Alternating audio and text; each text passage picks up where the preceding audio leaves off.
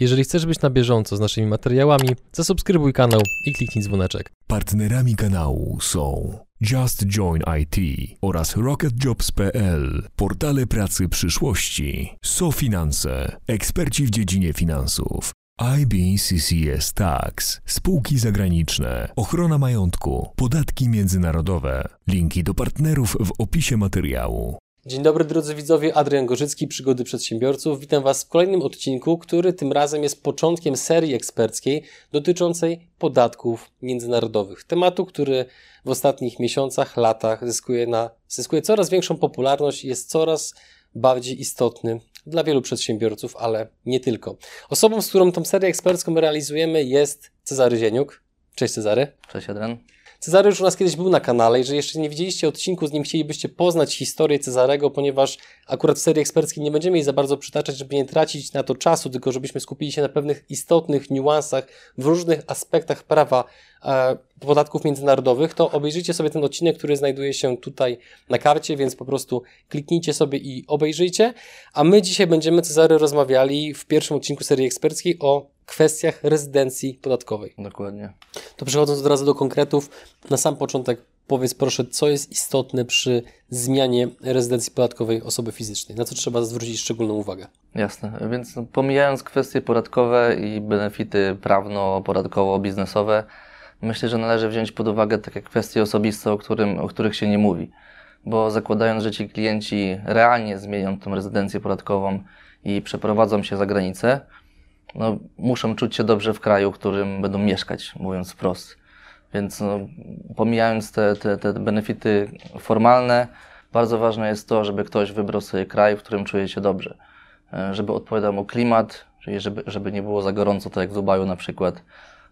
Żeby mógł swobodnie podróżować między Polską a, a danym krajem, czyli ważna, ważna tutaj jest lokalizacja, żeby to nie było um, bardzo utrudnione. Tak, tak, tak utrudnione jak na przykład przylot, do, przylot do, do Singapuru, czy do Hongkongu, czy do Emiratów Arabskich. Wiadomo, że du, dużo łatwiej jest mieszkać, e, dużo łatwiej jest podróżować na Cypr, gdzie leci się 3 godziny, niż do Singapuru, czy tam Hongkongu, gdzie, gdzie leci się tych godzin 10 czy, czy 20. Więc lokalizacja, lokalizacja jest bardzo ważnym czynnikiem.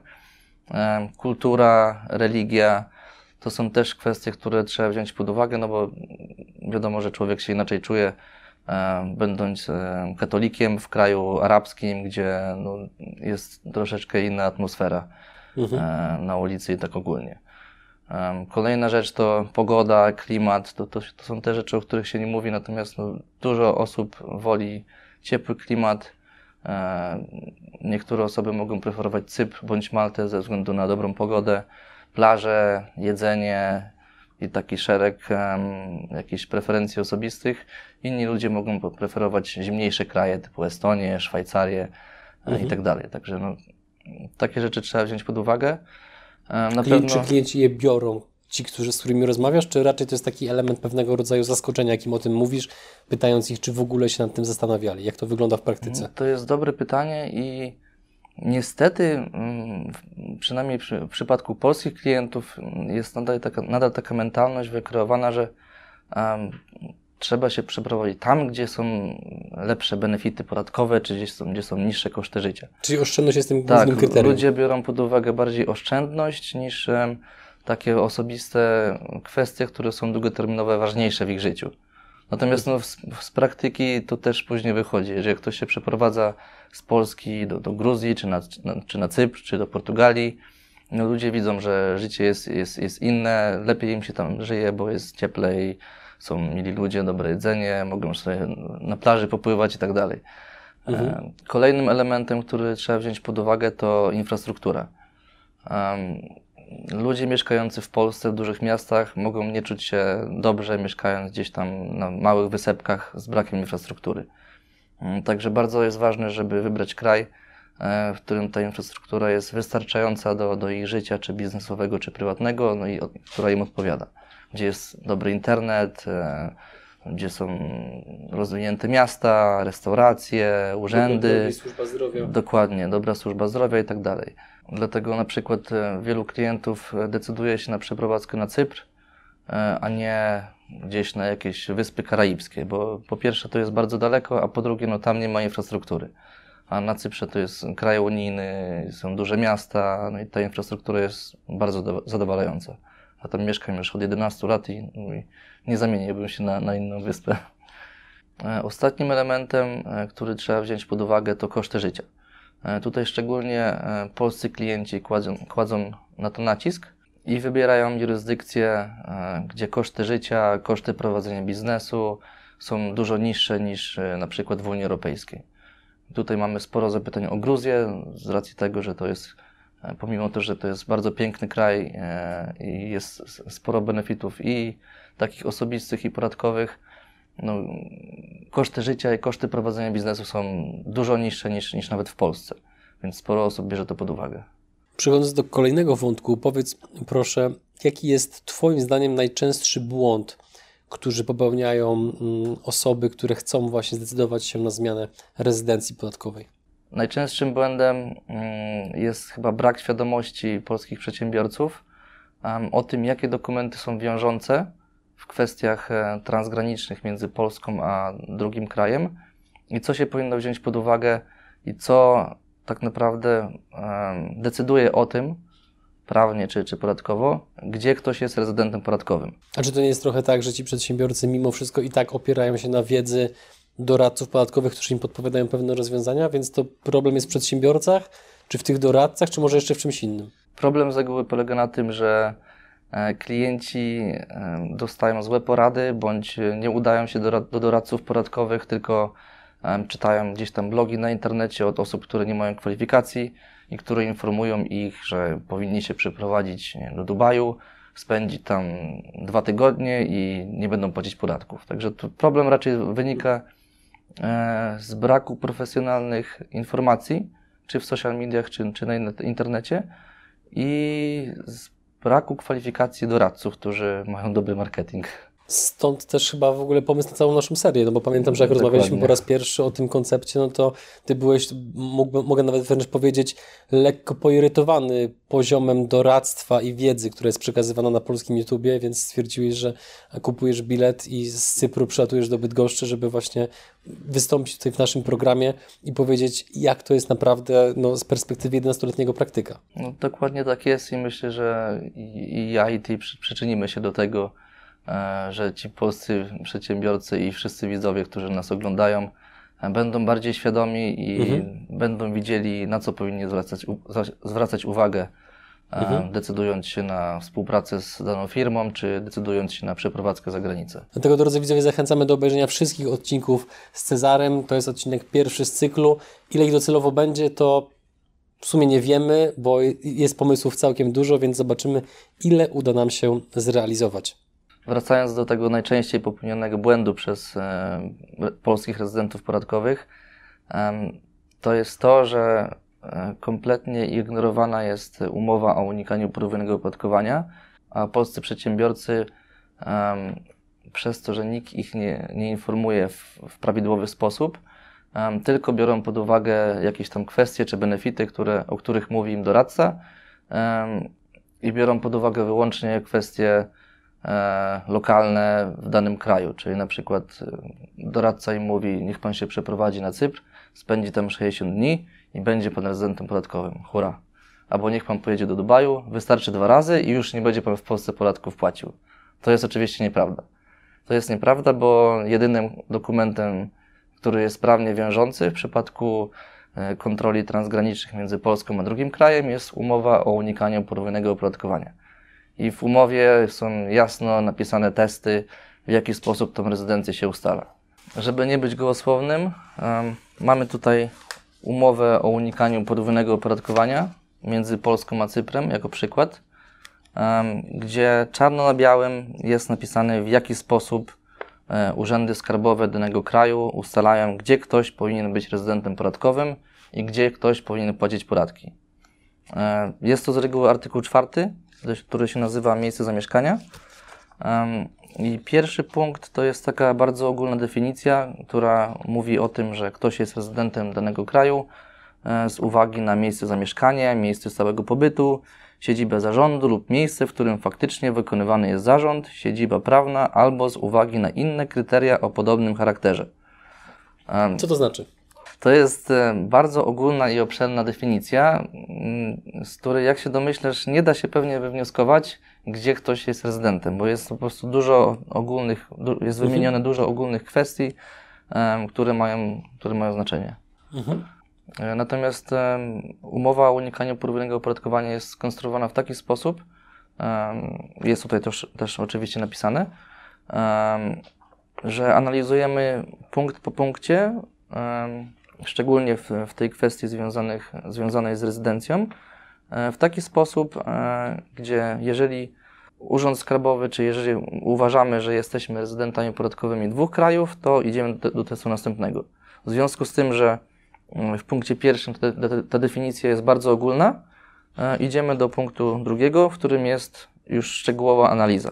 Teraz omówimy sobie bardzo ogólnie te, te punkty, te testy, które są zawarte e, w punkcie drugim artykułu czwartego, e, ponieważ to są no, bardzo obszerne kwestie i tutaj mm, szczegóły się, można się dowiedzieć, e, czy, czy na bazie komentarza do konwencji modelowej OECD, czy, czy, czy z nami przy konsultacji i tak dalej. Pierwszy test to jest stałe miejsce zamieszkania, czyli gdzie ktoś ma stałe miejsce zamieszkania, gdzie ktoś ma dom, gdzie, gdzie ktoś ma miejsce do życia.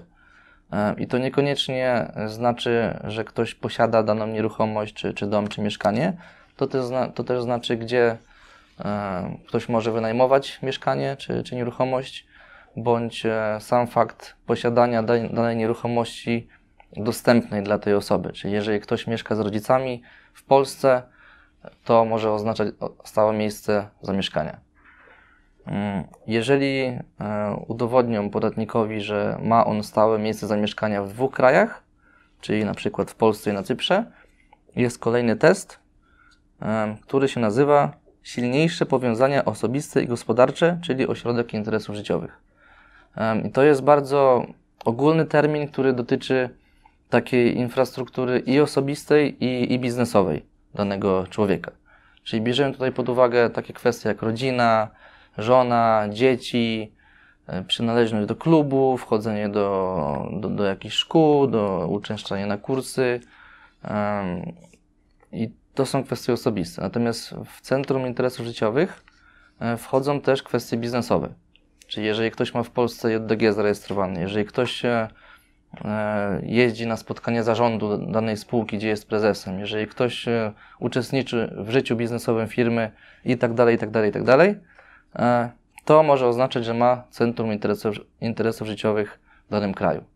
Tu jako przykład możemy, możemy na przykład e, pokazać podatnika, który e, zmienił rezydencję podatkową e, z Polski na Cypr, wynajął tam mieszkanie, może, może gdzieś pracuje, mieszka sobie na Cyprze, natomiast w Polsce ma dzieci, żonę, e, biznesy i stale wraca do tych osób, stale wraca do Polski uczestniczyć w tym życiu prywatnym i biznesowym. I w takim wypadku oczywiście e, rezydencja podatkowa pozostaje w Polsce, nie na Cyprze. Jeżeli z testu wyniknie, że nie da się ustalić, gdzie jest centrum interesów życiowych, czyli jest ono potencjalnie w Polsce na Cyprze, e, to mamy kolejny test, który się po angielsku nazywa Habitual Abode. Na polski to jest tłumaczone miejsce zamieszkania, w którym zwykle się przebywa. I to jest bardzo nietrafna, nietrafne tłumaczenie, ponieważ em, ten test nie polega na tym, e, gdzie ktoś ma miejsce zamieszkania, gdzie, gdzie, gdzie mm, zwykle przebywa, tylko ten test polega na tym, e, że ktoś już mając miejsce zamieszkania, załóżmy na Cyprze i w Polsce, i mają centrum, interesów życiowych w, tych dwóch krajach, stale powraca do drugiego kraju, e, stale i regularnie, bez względu na to, e, jakie to są ilości dni, e, przez to, że ma jakieś ważne dla jego osobistych i biznesowych celów kwestie. Na przykład, mm, ktoś zmienił rezydencję na cypryjską, mieszka na Cyprze, ale regularnie przez, nie wiem, tydzień w miesiącu jeździ do Polski, spotkać się z danymi osobami, podjąć ważne decyzje biznesowe, e, spotyka się na jakichś kluczowych spotkaniach i tak. Także tutaj należy się skupić na, raczej na angielskiej wersji i na angielskim komentarzu, niż na tym komentarzu polskim, który tak naprawdę nie odzwierciedla e, charakteru tego testu. I no to jest tak naprawdę ostatni test, który jest e, praktykowany, bo później jest test, gdzie jest ktoś obywatelem. Zakładając, że w ekstremalnej sytuacji nie przeszliśmy tych testów i ktoś ma paszport i polski i cypryjski, jest obywatelem obu krajów, mamy test rozstrzygnięcia w drodze wzajemnego porozumienia dwóch urzędów skarbowych, co się z reguły nie dzieje, bo urzędom skarbowym jest bardzo ciężko się porozumieć. Więc e, to są testy, które powinny być brane pod uwagę i jak Adrian zapewne nie usłyszałeś, nie ma tutaj żadnego testu związanego z ilościami dni, które się spędziło w danym kraju. To jest taka informacja, która często się pojawia w przestrzeni internetowej, że Tak. to jest istotne kryterium, żeby ustalić, gdzie de facto powinieneś płacić podatki. Dokładnie, więc no, ten test dni jest oczywiście ważny, bo to jest em, jeden z głównych testów lokalnie, e, gdzie po, powinno się płacić podatki. W Polsce jest to 183 dni plus, Mhm. na Cyprze jest to 60 dni po spełnieniu innych warunków i tak dalej. Różne kraje mają, mają, mają różne konfiguracje, natomiast to jest z reguły te 183 dni. Natomiast Jasne. fakt, że spędziłeś 183 dni na Cyprze, e, wcale nie musi oznaczać, że jesteś rezydentem podatkowym Cypru, bądź odwrotnie. Także po to mamy tą umowę i po to musimy wziąć pod uwagę to, co jest napisane w tych testach, a nie słuchać ludzi, którzy mówią: pojedź za granicę, dostaniesz dokument, spędź tam kilka dni i będziesz płacił tam podatki. Dzięki, że jesteś z nami i oglądasz nasze filmy. Chcielibyśmy przekazać Ci krótką informację. Przygody przedsiębiorców to nie tylko wywiady. Na co dzień zajmujemy się przede wszystkim wideomarketingiem na YouTube. Jeśli chcesz, aby Twoja firma zaczęła generować lidy z platformy, która zrzesza ponad 20 milionów użytkowników w samej Polsce, to wejdź na przygody.tv i sprawdź, jak możesz z naszą pomocą skorzystać z potencjału YouTube'a, zanim zrobi to Twoja konkurencja. Czyli z tego fragmentu wywiadu najważniejsze, co powinni zapamiętać nasi widzowie, jest to, że w kwestii ustalenia rezydencji podatkowej najważniejsza jest umowa o unikaniu podwójnego opodatkowania. Dokładnie tak. Nie należy ignorować lokalnych warunków, bo warto je spełnić dla zwiększenia substancji. Co znaczy substancji? W sensie jakby dat które czyli- jest nowy temat? Takiej em, infrastruktury, takiej otoczki, w tym przypadku osobistej, która świadczy, że jesteś rezydentem danego kraju. Że masz jakby więcej argumentów po swojej stronie, że Dokładnie. tak faktycznie jest. Na przykład e, Mhm. masz mieszkanie, kupiłeś dom, masz samochód, masz rodzinę w danym kraju, e, należysz do różnych klubów, prowadzisz działalność w danym kraju. Wiele takich elementów, które no, pokazują, że jesteś tam obecny, a nie w, Mhm. w kraju drugim. To przechodzimy do ostatniego wątku, który mamy na liście w związku z tym odcinkiem. Jakie kraje są Twoim zdaniem przyjazne podatkowo? To jest myślę, że informacja, która jest dość często wyszukiwana Tak, w no, internecie. takich krajów jest bardzo dużo i tak jak e, wspomniałem na początku, warto się najpierw skupić na kwestiach osobistych, czyli gdzie się ktoś lepiej będzie czuł, a później na kwestiach podatkowych, a nie odwrotnie. Natomiast, żeby odpowiedzieć na Twoje pytanie, to jest przynajmniej z doświadczenia i z tego, co, co nasi klienci e, najczęściej wybierają, to jest Cypr, Gruzja, Wielka Brytania, Portugalia, Estonia, Emiraty Arabskie, Hongkong, kraje azjatyckie, no to jest case by case, ale dla Polaków takie chyba najczęściej używane e, jurysdykcje to jest Cypr, Malta, Gruzja. A jacy klienci do Was najczęściej się zgłaszają? Jaki to jest profil klienta? W jakim wieku jest, Mhm. jakie, jakim jest wieku? Czy to są głównie przedsiębiorcy, czy może niekoniecznie? Jak to wygląda? Kiedyś to byli klienci, którzy mówiąc wprost chcieli uciec z Polski z, z biznesami i, i z podatkami. Natomiast w tej chwili, biorąc pod uwagę nieprzyjazne nastawienie władz polskich i tak naprawdę, no, brzydko mówiąc, gnębienie przedsiębiorców, przez to nawet młodzi ludzie, którzy dopiero zaczynają biznesy, zmieniają tę rezydencję podatkową. E, A no, benefitów jest sporo. Są to, są to osoby o, o różnych profilach. Są to osoby, które e, handlują na giełdzie, czy, czy rozwijają startupy, je później sprzedają i zależy im na, na takiej jurysdykcji, żeby mm, nie było podatku od zysków kapitałowych przy sprzedaży papierów wartościowych. To jest na przykład Cypr. Niektórzy mają kryptowaluty i chcą się skeszować, pojechać gdzieś za granicę, kupić nie wiem, nieruchomości. Są ludzie, którzy w ogóle nie biorą pod uwagę podatków, a chcą po prostu kupić sobie dom na Cyprze i, i spędzić tam res, res, resztę życia. No Mhm. jest sporo czynników. To jest raczej case by case. Nie ma mm, uniwersalnych przypadków, ale no biorąc te benefity tutaj na przykładzie Cypru typu brak podatku od zysku, zysków kapitałowych, brak podatku od dywidendy przez 17 lat rezydencji, niski CIT, niski CIT i szereg innych ciekawych rzeczy, no, ludziom to wszystko odpowiada. Mhm. Bo być może w danym, danym momencie, jeżeli mają tylko kryptowaluty na przykład, a nie prowadzą żadnego biznesu, być może się skeszują, zaczną inwestować w nieruchomości, być może e, zaczną otwierać startupy bądź inwestować na giełdzie i te benefity się później złożą w całość. Zbliżając się powoli do końca tego odcinka, ja jeszcze chciałbym Cię dopytać, bo Mhm. wymieniłeś sporo krajów, które są przyjazne podatkowo, ale no zakładam, że e, prawdopodobnie masz jakieś swoje ulubione. No zakładam, że też Cypr prawdopodobnie jest jednym z nich, skoro mieszkasz tam od 11 lat. Tak. Ale czy oprócz Cy- Cypru są też jakieś inne kraje, które są Ci szczególnie bliskie z różnych powodów? Mhm. E, Jak najbardziej, więc e, na Cyprze mieszkam też nie, nie bez powodu i może na początku celem mojej przeprowadzki na Cypr nie były kwestie związane z podatkami, natomiast no, oprócz te- tej osobistej infrastruktury, która mi bardzo odpowiada, e, benefity podatkowe jednak przeważają tą kumulację mm, korzyści, które, które ma dana jurysdykcja. Tak jak wspomniałeś, wy- wymieniłem wiele jurysdykcji, natomiast e, moimi ulubio- ulubionymi jurysdykcjami to jest na pewno Cypr i Gruzja. Mhm. O Cyprze powiedzieliśmy już, e, jakie są benefity e, bycia rezydentem podatkowym e, i na pewno będziemy mieli następny odcinek, który będzie szczegółowo opisywał różne kwestie związane z, z jurysdykcją Cypru i o tym, jak pro, krok po kroku zrobić rezydencję podatkową na Cyprze. Natomiast moim drugim ulubionym kierunkiem to Gruzja. Gruzja z tego względu, że pomijając benefity podatkowe, jest to bardzo piękny kraj, są super mili ludzie, e, dobre jedzenie, bardzo dobre wino i są bardzo nis- niskie koszty życia. Po pierwsze są bardzo tanie nieruchomości z, z potencjalnie dużym zwrotem, a po drugie jest to jeszcze na tyle nierozwinięty kraj, że może tam sporo rzeczy zrobić. Natomiast jest też to ciekawe miejsce pod kątem podatkowym.